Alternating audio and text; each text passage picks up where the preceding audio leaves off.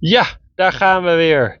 De Praktijkstarters podcast nummer 32. Nou, dit krijgt echt serieus vorm. Ik had uh, van de week een mondgenist lijn. Leuk gesprek. Ik ken daar nog niet. Dus we hadden een soort telefonische kennismaking. Uh, dat doe ik ook vaak gewoon bij, nou ja, zoals je inmiddels weet, vaker van de valk. Maar uh, dit moest wat sneller. En ik was toch onderweg tussen, nou ja, ik had de afspraak om vijf uur en uiteindelijk reed ik daar om nou, zeg kwart voor zeven weg. Dus ik zeg, nou, zodra ik in de auto stap, dan bel ik je. Nou, dat deed ik dan ook. Um, dus ik had, ja, het was heel, heel veel inspiratie voor een nieuwe podcast kwam eruit. Sterker nog, ik, ik had eigenlijk naar aanleiding van het gesprek inspiratie voor twee podcasts. Dus ik denk, nou, laat ik vandaag uh, beginnen met de eerste. En de eerste uh, gaat erover van, wat is nou in godsnaam die praktijk waard die ik wil gaan overnemen? En wat wordt mij nou precies aangeboden en wat kan ik ermee? Nou, want ik weet zeker, eh, eh, sterker nog, ik heb al meerdere mensen gesproken die mij bellen van ja, joh, ik, ik ben bezig met een praktijkovername en zo ging dit gesprek eigenlijk ook. Althans, ik heb interesse, niet eens bezig, maar interesse in een praktijkovername. En uh, ja, weet je, dat, wat er gevraagd wordt, hoe moet ik nou beoordelen of dat een beetje een reëel bedrag is? Nou, daar kan ik je wel iets over vertellen. Dus dat ga ik in deze podcast uh, doen. Nou, let's go. Oh, ik sta trouwens weer, mocht je het willen weten, uiteraard in op de favoriete plek in de file. En vet lang, want ik moet naar Den Haag. En ik ben al uh, inmiddels 25 minuten onderweg. En ik woon in Alkmaar. En ik denk dat ik nou net uh, 10 kilometer heb gehad. Dus het wordt een mooie lange rit. Dus de dame met wie ik heb afgesproken in Den Haag, die heb ik net al even laten weten dat ik 10 uur niet ga redden. Want het ziet er uit dat ik net na tienen aankom. Nou, dat was even een zijweggetje. En misschien interesseert je niks, maar ja, je weet, ik benoem altijd alles wat er zo om me heen gebeurt. Um, praktijkwaardering. Het leuke was, zij had zelf, nou ja, leuk, maar ze was zelf al. Uh, kijk, ja, als, je een, als je interesse hebt om een overname te doen, dan krijg je meestal van de adviseur, van de verkoper, krijg je een, eh, dat heet een, een, een verkoopbrochure, of het heet een verkoopmemorandum, of het heet een informatiememorandum. Maar eigenlijk is dat, uh, dat, dat zouden meerdere blaadjes moeten zijn, maar ik heb ze ook wel eens op, slechts één blaadje gehad. Dat is super sumier. maar normaal hoort daar eigenlijk alles in te staan wat jij moet weten om tot een oordeel te komen. Dus dat, dat, dat gaat over de, hoe lang bestaat de praktijk al, hoe ziet het er nu uit, wat voor apparatuur staat er, hoeveel patiënten zitten erin, hoeveel omzet wordt er gedraaid, hoe is die omzet opgebouwd met verrichtingen, bla bla bla. Uh, hoe ziet de verkopende partij de, de condities van de overname uh, voor zich. Uh, dus wil ze, en ik ga even uit van een, van een ze steeds, anders blijf ik hij en zij zeggen. Maar goed, de meeste montigenisten zijn vrouw. Dus, dus mocht jij nu man zijn en montigenist, bij deze, sorry, je moet het even doen met ze. Dus als ze in dit geval de praktijk wil verkopen, um, en dan ben ik kwijt wat ik wilde zeggen. Uh, maar goed, ik ga gewoon verder met mijn verhaal. Um, dus informatiememorandum of verkoopmemorandum of verkoopbrochure. Daar staat, hoort dus alles in te staan. Nou, deze montigenist had drie blaadjes gekregen. Nou, dat is gewoon te weinig om eigenlijk tot orde te komen. En ze had zelf al ontdekt, en dat vond ik al heel oplettend, dat er, uh, want er stond namelijk bij hoeveel uh, M03-verrichtingen er waren gedeclareerd in de afgelopen jaren. En zij ging dat vergelijken met de omzet die daar tegenover stond. En ze kwam al tot de ontdekking dat die omzet niet overeenkwam met het uh, standaard tarief. Dus ze had al aan de adviseur gevraagd. Uh, en nu had ze ook een handige vriend. Dus die had alles in Excel uitgewerkt. En dus dat, helpt ook al. Uh, dus ze had al aan die adviseur van, joh, hoe zit dat met die M03? Want ik zie, ik zie uh, zoveel keer M03. Maar als ik aan de omzet kijk, dan is die lager. Nou, toen had de, de verkopende bondhygiënist verteld van, ja, nee, maar ik reken niet de volle map. En dat vind ik ook zo lullig. En en toen dus ik zei nog tegen deze man, ik zeg ja, dat is lekker. Uh, maar ik heb dan liever dat ze zegt van joh, ik heb, uh, weet ik veel, 35 minuten behandeld en ik breng er maar 30 in rekening, maar dan wel tegen het normale tarief.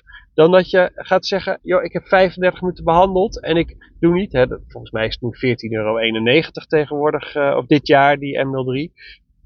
En ik doe niet 14,91 euro, maar ik reken maar 11 euro. Maar ja, Misschien denk je bij nieuwe patiënten, ja, ik doe wel 14,91 euro. En bij uh, patiënten die je pas een jaartje kent, dan zit je op 13 euro. En bij patiënten die je al, al 40 jaar kent, zit je op een tientje.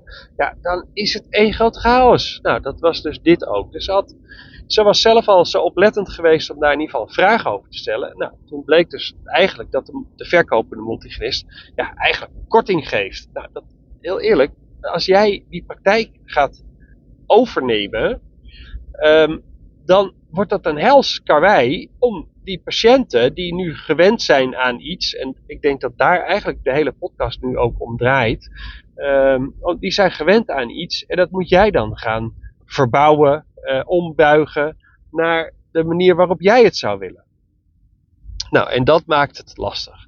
Um, want ik heb ook een keer meegemaakt. En daar heb ik, ik heb haar gewoon alles verteld wat ik wist op dat moment. Ik zei, joh, kijk daarnaar, kijk daarnaar, hou daar rekening mee. En uiteindelijk heeft ze me nu ook het, uh, het, het, uh, de brochure die ze had ontvangen over de praktijk. Want daar heet het dan brochure.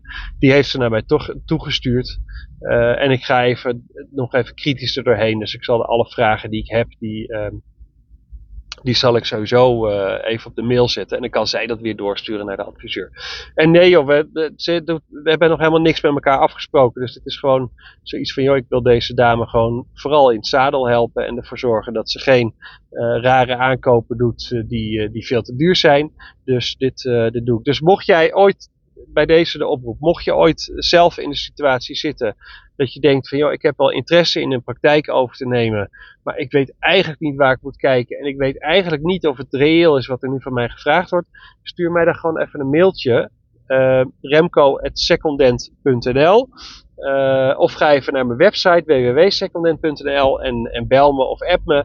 Uh, en dan kijk ik even met je mee. En dan krijg je gewoon even, dan, uh, dan sparren we even samen. En dan geef ik je even mijn, mijn opzouten meningen over, over hoe je dit moet gaan aanvliegen en of beoordelen. Nou, dat was voor haar ook het geval.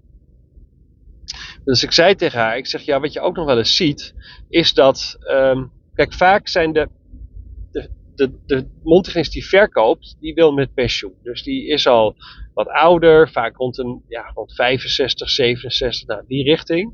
Um, en die heeft natuurlijk al, misschien al 35 jaar een praktijk. Nou, die 35 jaar heeft ze, heeft ook patiënten die al 35 jaar bij haar komen. Nou, daar heeft ze natuurlijk een super uh, sterke band mee opgebouwd. Dus die mensen zijn enorm uh, ten eerste enorm lo loyaal aan haar. Dus die komen voor haar. Maar ja, heel eerlijk, als die mensen. Um, ja, als, als er straks een nieuwe kapitein op het schip zit, jij dus. Dan is de vraag of die mensen loyaal blijven. Want waarschijnlijk lopen ze ook bij een. Kijk, dit gaat om een vrij gevestigde mondhygiënepraktijk.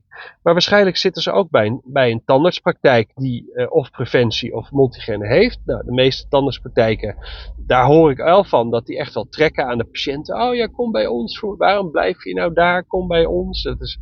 Ja, dat, dat hoor ik even iets te vaak. Dus ik, daar zit gewoon een ding in. En ik snap het ook wel van zo'n tandartspraktijk.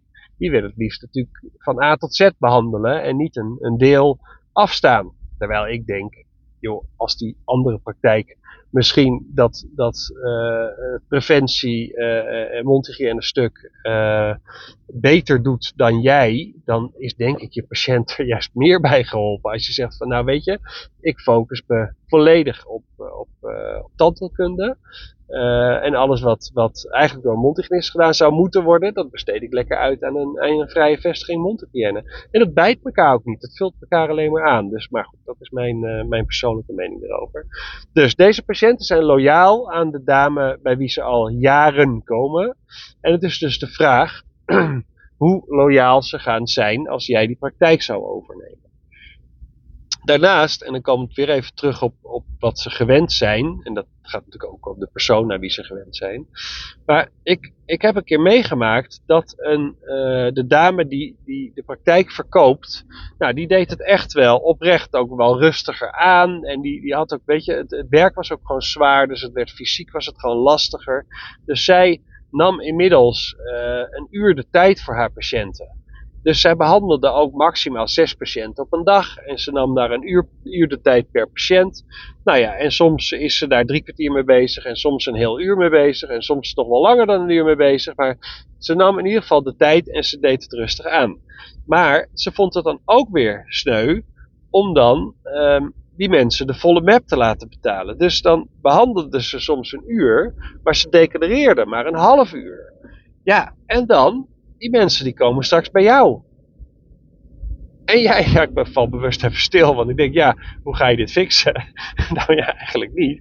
Maar die mensen komen straks bij jou. Die zijn eraan gewend dat, dat er normaal een uur voor ze gepland wordt. Maar ja, jij bent gewoon een jonge moderne mondhygiënist die het op je eigen manier doet. En joh, de meeste mondhygiënisten die ik spreek, die, die, die plannen drie kwartier of misschien 40 minuten en die declareren dan vaak 35.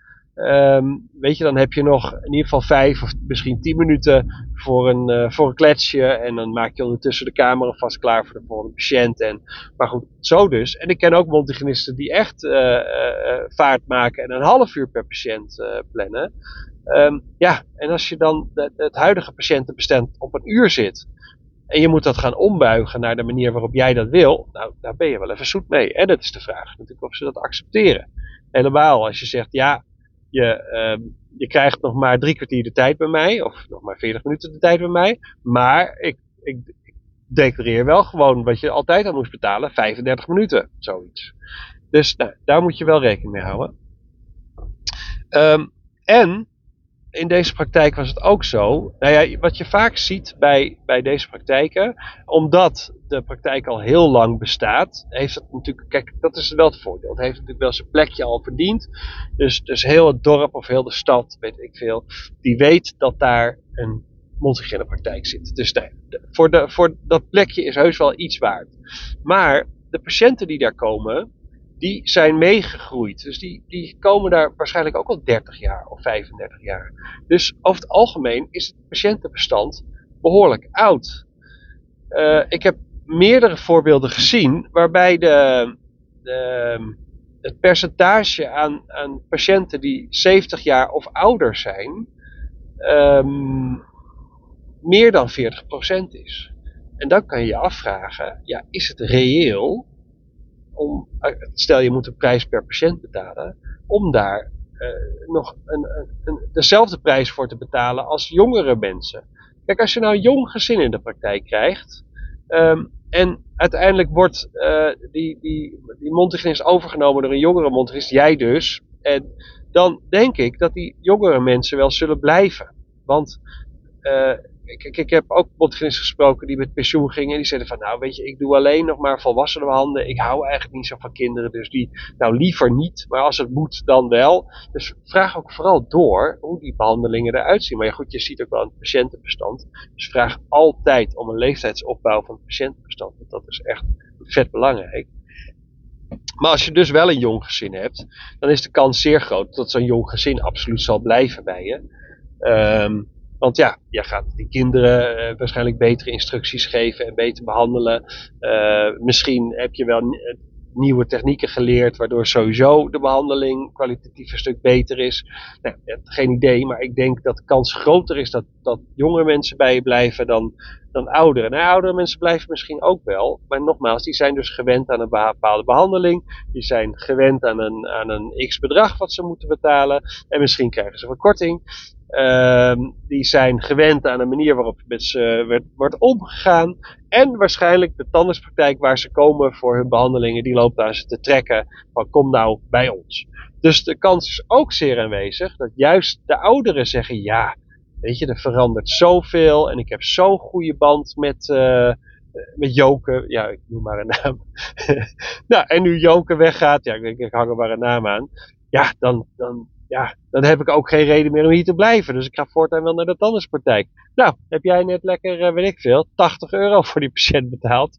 En je kan gewoon gaan tellen. Nou, daar gaat 80 euro, dus 160 euro, 240 euro, 320 euro. Nou, en zo tel je eigenlijk gewoon de patiënten de deur uit waar je wel voor hebt betaald. En 80 euro is trouwens heel hoog. Maar in, in, in, in het geval van deze mondgist die mij belde, um, moet ze geloof ik 100 euro betalen per patiënt. Nou, sorry, ik, ik heb ik heb heus wel eens gezien dat, dat er 100 euro per patiënt wordt betaald. Maar dat is vaak bij een tandartspraktijk en ergens midden in de stad met een moordende concurrentie. Waar je dus eigenlijk heel blij moet zijn dat je dus een, een, een praktijk met patiëntbestand kan kopen. Ehm, dus 100 euro voor praktijk is echt wel aan de hoge kant. Dus het moet, het moet wel allemaal oké zijn dan. En oké bedoel ik van, joh, misschien is de plek wel heel veel waard. Is dat juist belangrijk? Of wil je, wil je zo'n bedrag betalen? Uh, en het kan ook gunnen, maar dit, dit was gewoon erg veel. Dus ik zei al tegen haar van, nou, ik vind dit wel heel, uh, heel veel. En ik, ik, heb dus, ik moet de stukken nog beoordelen hoor, die ik van haar heb gekregen. Dus ik ga er nog even wat dieper in duiken. Maar dit zijn wel dingen waar je, als je een praktijk opent, toch moet over moet nadenken. Ja, waar betaal ik nou eigenlijk voor? Uh, hoe snel ga ik dat terugverdienen? En um, hoe reëel is het nou eigenlijk dat ik dit moet betalen? Jo, heel eerlijk, de adviseur van de, van de verkopende partij, die zal altijd proberen om daar zoveel mogelijk uit te halen. Linksom of rechtsom. En of het nou reëel is of niet, daar moet gewoon geld op de tafel komen. Want meestal uh, krijgen ze daar ook weer een x percentage over. Dus ja, hoe hoger het bedrag wat er betaald wordt, hoe hoger de commissie die ze daarop verdienen. Zo moet je gewoon. En iedereen denkt helaas ongeveer aan zichzelf. Zo werkt het, uh, zo werkt het alleen in deze wereld. En daar, daar, hebben we mee te dealen. dus, uh, maar goed. En dan nog iets: apparatuur wat je vaak ziet aan, bij oudere praktijken, met name echt praktijken van, van 30 plus jaar op hetzelfde adres, is dat het, is dat het eigenlijk nooit meer vernieuwd is. Echt de, de, de, schroten tegen de muur, die zitten tot aan het plafond. Allemaal bruin. Uh, allemaal tapijt nog erin. Uh, oude spullen. En ik moet zeggen, meestal wordt de apparatuur is weliswaar oud, maar wordt wel vertroeteld en goed onderhouden. Um, dus weet je, zolang het werkt, is dat misschien nog niet eens de, de, investering. Kijk, je kan natuurlijk wel erin en het volledig vernieuwen, dat snap ik. Maar dan is het zonde als je er net, uh, weet ik veel, 14.000 euro hebt voor moeten betalen. Want ja, als het goed is, gaat het Dental Depot, die maakt de taxatie van uh, wat de apparatuur ongeveer nog waard is. En aan de hand daarvan kan jij bepalen uh, of dat reëel is. En als je dat niet kan bepalen, ook dan moet je mij even mailen, want dan kijk ik even, dan kijk ik even met je mee of het reëel is. Kijk, als er een stoel in staat, bewijs van, uh, uit uh, 98, en er, staat, er wordt een waarde tegenover gezet van 5000 euro, nou dan weet je, weet je, die stoel is geen drol meer waard. Ja, je zou hem misschien op uh, mondzorg marktplaats kunnen zetten voor 1000 euro. En er is vast misschien nog wel iemand die dat ding wil hebben voor het geld. Maar 5000 euro staat helemaal nergens op. Dus je moet kijken naar hoe oud is de apparatuur, wat voor waarde wordt eraan gehangen. En vaak, daar kan je ook gewoon op vragen, um, de accountant of boekhouder van de, van de verkopende mondhygiënist, die, heeft ook, die houdt de afschrijving ook bij. Dus je kan op een, op een afschrijvinglijst, die kan je van opvragen, kan je precies zien wanneer iets is aangeschaft uh, en hoe, hoeveel er al op afgeschreven is. Nou ja, en die stoel die staat weet ik 100% zeker, een stoel uit 98 staat voor 0 euro uh, in de administratie bij die mondhygiënist. Dus 5000 euro, zelfs in het, in, het, in het vrije verkeer, zoals ze dat noemen. Dus als je van een mondhygiënist aan een mondhygiënist verkoopt, doen ze ermee, is 5000 euro slaat op. Dus kijk daar ook naar. Waar, uh, uh, hoeveel moet ik betalen voor die apparatuur en is dat het nog waard? En moet ik het vervangen? Kijk, als apparatuur goed onderhouden is. Uh, en dat blijf je doen. Uh, en het, het werkt allemaal nog, het lekt niet. Dan zou je er in principe nog best wel een tijdje kunnen werken. Nou, dan, dan kan je misschien overwegen om die stoel gewoon nog even lekker te laten staan. En erop door te werken. Kijk, en als dan straks de praktijk weer een beetje opbloeit. Want je, ja, heel eerlijk, je koopt gewoon natuurlijk een soort lauw bad. Maar je kan er wel weer een warm bad van maken. Het is alleen de vraag of ze niet een belachelijke prijs voor het lauwe bad vragen. Want een lauw bad moet ook de prijs hebben van een lauw bad, om het zo maar te zeggen. Dat is wel een rare podcast. Maar goed, dat kwam zo bij me op. Um, nou, en dat geldt voor de apparatuur ook. Ik had, ik had gisteren een discussie met een, uh, met een adviseur. En die, uh, uh, en, en, die zei ook van, ja, en, de apparatuur is allemaal zo goed en goed onderhouden, kan nog jaren mee. En, maar wie geeft mij de garantie dat dat nog jaren mee kan? Kijk, ik, kijk je kan natuurlijk inzien hoeveel, hoeveel onderhoud erop gepleegd is. En als er gewoon goed onderhoud op gepleegd is, elk jaar worden gewoon de meest essentiële dingetjes, dat zijn vaak rubbers en filters en dat soort zeefjes, vervangen. Dan kan er, en je houdt de stoel netjes en de bekleding die verzorg je goed, dan kan een stoel echt wel tig jaar mee. Uh, dus als, je kan wel uit de administratie halen. Of er misschien in de laatste jaren grote reparaties hebben plaatsgevonden. Uh, of dat er storingen zijn geweest. Want dat moet allemaal uit de administratie blijken. Daar zijn gewoon facturen voor. En dat is eigenlijk net als met een auto. Daar check je ook het onderhoudsboekje. En als je ziet dat die auto. Uh, nou ja, neem even mijn auto, trouwens over mijn auto gesproken. Nou ja, zoals je inmiddels, als je mijn podcast vaak hebt geluisterd. Kijk, ik heb gewoon zo'n oude heerlijk uh, met leren voor thuis. Oude Volvo van uh, inmiddels 21 jaar oud, want hij is uit 2002. Maar hij, uh, ik reed van de week weg. Het heeft niks met deze podcast te maken, maar ik vind het wel leuk verhaal. En dat is mijn vriendin belt. Ze zegt, joh, wat is die parkeerplaats vies? Komt dat bij jou vandaan? Ik zeg, nee joh, is een andere auto. dus nou, toch maar even mijn mannetje bij de garage geweld. Hij zegt, nou, doe mij een plezier, leg even een kartonnetje naast het wiel. Want het kan zijn dat het je krukaskering is. Nou, ik kartonnetje neergelegd onder het wiel, uh, uurtje laten staan de auto. En ja hoor, zei ik dat. Nou, dus toen zei de garage van, nou, kom me maar even brengen. En uh, dan gaan we dit eerst even fixen. Nou, dus ik rij nu in de auto van mijn vriendin, een VW Polo. Heerlijk, uh, heerlijke bak trouwens. Maar goed, als je dus een auto koopt, dan kijk je ook naar de onderhoudshistorie. Um, om te zien wat die. Wat, kijk, als die auto al, al vijf jaar niet bij garage is geweest, dan denk je ook van ja, risico ga ik gewoon niet nemen. Of ik neem het risico wel, maar dan ga ik niet 5000 euro voor de auto betalen, maar ik denk 1000 euro voor de auto betalen. Nou, en dat is ook een beetje hoe je met de apparatuur uh, omgaat. Um, ja, en je kan ook niet, weet je, je kan ook niet vragen van, uh, ja, weet je, we, we kopen wel de spullen, maar dan willen we de garantie dat er in de komende twee jaar niks mee gebeurt. Zo iemand heb ik ook wel een keer gesproken. Ja, en dan zeg ik ook, ja, maar dat is niet eerlijk. Ik heb voor een dental depot gewerkt, dus ik weet ook best wel veel van die apparatuur af en het onderhoud. En ik weet ook dat, nou, ik denk 70 tot 75 procent van de storingen aan apparatuur, die komt heel vaak door dat de gebruiker iets niet goed doet. Dus, en dat, zegt niks dat jij als gebruiker, ik geef niemand de schuld. De schuld. Ik vind dat als je als dental depot iets aan jouw klant verkoopt, een apparaat, dat daar een gedegen uitleg bij hoort van één, hoe het apparaat werkt, maar ook hoe je het apparaat moet onderhouden. En als je dat niet doet, waardoor de mensen die het moeten gebruiken misschien die stoel niet goed onderhouden, of wat voor apparaat dan ook, ja, dan krijg je storingen. Ja, en dan kan je wel zeggen, ja, het komt door de gebruiker. Maar ja, als jij als dental depot niet goed hebt uitgelegd, dan uh, is het dan de vraag wie naar wie moet wijzen, zeg maar. Nou, ook dat, uh, ja, daar moet je dus rekening mee houden. Nou, ik, ja, ik, ik denk het meeste heb gezegd. Dus kijk alsjeblieft uit met prijs. Laat je niet uh, bedonderen. Met, uh, laat je ook niet afschrijven van ja, deze praktijk is echt 100 euro per patiënt waard. En, want, want ja, en wat is dan, oh ja, wat is dan een actieve patiënt? Kan je ook nog afvragen. Want ja, de een zegt een actieve patiënt is een patiënt die in het afgelopen jaar minimaal één keer is geweest. Maar ja, heel eerlijk, hoeveel patiënten komen er nou maar één keer bij een praktijk? Dat, zijn er, dat, dat is een handje vol, misschien 5% minimaal twee keer en vaker misschien nog drie keer. Dus misschien moet je wel zeggen bij multigene praktijk, ik vind een actieve patiënt iemand die in het afgelopen jaar twee keer is geweest. Dat is voor mij een actieve patiënt, want daar zit gewoon een structuur in. Kijk, bij een tandartspraktijk kom je wel weg met, met die het afgelopen jaar één keer is geweest. En sommige pakken anderhalf jaar één keer is geweest, of zelfs twee jaar. Maar als iemand al twee jaar niet is geweest, of maar één keer geweest in de afgelopen twee jaar, dan kan je je afvragen hoe actief zo'n patiënt is. Dus ook daar kijk naar. Dus hoeveel actieve patiënten zitten erin?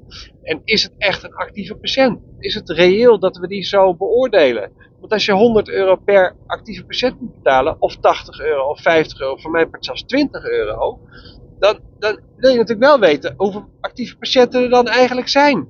En vind jij, vind jij dat dan ook een actieve patiënt? Nou, en zo zijn er dus honderdduizend dingen waar je op moet letten. En daarom dacht ik van nou, dit is belangrijk voor iedereen die ooit een praktijk wil gaan overnemen. Ja, en dat ik ondertussen nog allerlei verhalen vertel over eh, mijn auto die, eh, die bij de grijs staat. Dat, ja, dat moet je maar verliefd nemen. Dat, dat hoort ook een beetje bij mijn podcast, moet ik zeggen. Dus, er wordt wel vaker op de achtergrond getoeterd en dat soort dingen allemaal. Dus, uh, maar goed, ik denk dat dit echt super nuttige informatie is voor iedereen die ooit denkt van, joh, ik, ik, ga, uh, ik ga de stap wagen en de praktijk. En het besluit kan ook zijn dat je hem helemaal niet overneemt. En dat je vervolgens zegt, weet je wat, ik begin wel gewoon een nulpraktijk. Dan hoef ik tenminste niet te investeren in, in, een, in een zeepbel. En dan, dan weet ik tenminste waar mijn geld naartoe gaat. Helaas naar de verbouwing, een forse verbouwing. En de apparatuur. Maar ja, dan, dan wel je, weet je wel 100% zeker waar je voor betaalt. Nou, dat was het. Ik hou erover op. Uh, nogmaals de oproep. Ben jij met uh, zoiets bezig? Wil je een ongezouten mening? En gewoon even input uh, of sparren of weet ik veel. Iemand die gewoon even met je meekijkt van joh, doe ik het wel goed, beoordeel ik het wel goed en waar moet ik op letten? Uh, stuur me gewoon even een mail, remco.secondent.nl of zoek me even op op mijn website, mijn contactgegevens www.secondent.nl Stuur me een appje of bel me, allemaal prima. En dan kijk ik even met je mee. En nee, dat kost je niks. Ik vind het gewoon vooral belangrijk dat er reële dingen worden aangeboden en jij daar ook een reële prijs uh, voor moet betalen. Uh, en in ieder geval um, uh, de juiste informatie krijgt. En laat mij dan maar gewoon als een soort second opinion even met je meekijken. Dus bij deze de oproep. Dus mocht je deze podcast luisteren, nou, je bent uitgenodigd om dat te doen. Dat was hem voor deze week. Uh, volgende week heb ik een, ook een hele leuke. En dat gaat over. Uh, dat, dat is eigenlijk de tweede inspiratiebron uit mijn gesprek van afgelopen week. Dat gaat over het, het uh, opwerpen van steeds weer problemen op de oplossingen die ik heb aangedragen. Het is een hele leuke podcast. Dus die is voor volgende week. Ik hoop dat je weer heel veel aan deze podcast hebt gehad. En ik zie je volgende week. Doei!